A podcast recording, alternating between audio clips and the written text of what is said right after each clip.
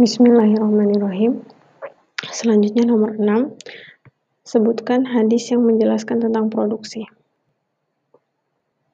1. Hadis riwayat Bukhari Muslim.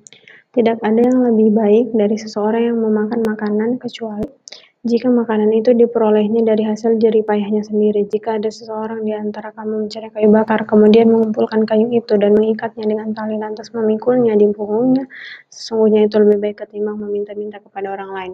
Dua, hadis dari Tabrani dan Dailami. Sesungguhnya Allah sangat suka melihat hambanya yang berusaha mencari rezeki yang halal. Tiga, hadis riwayat Tabrani. Berusaha mencari rezeki halal adalah wajib bagi setiap muslim.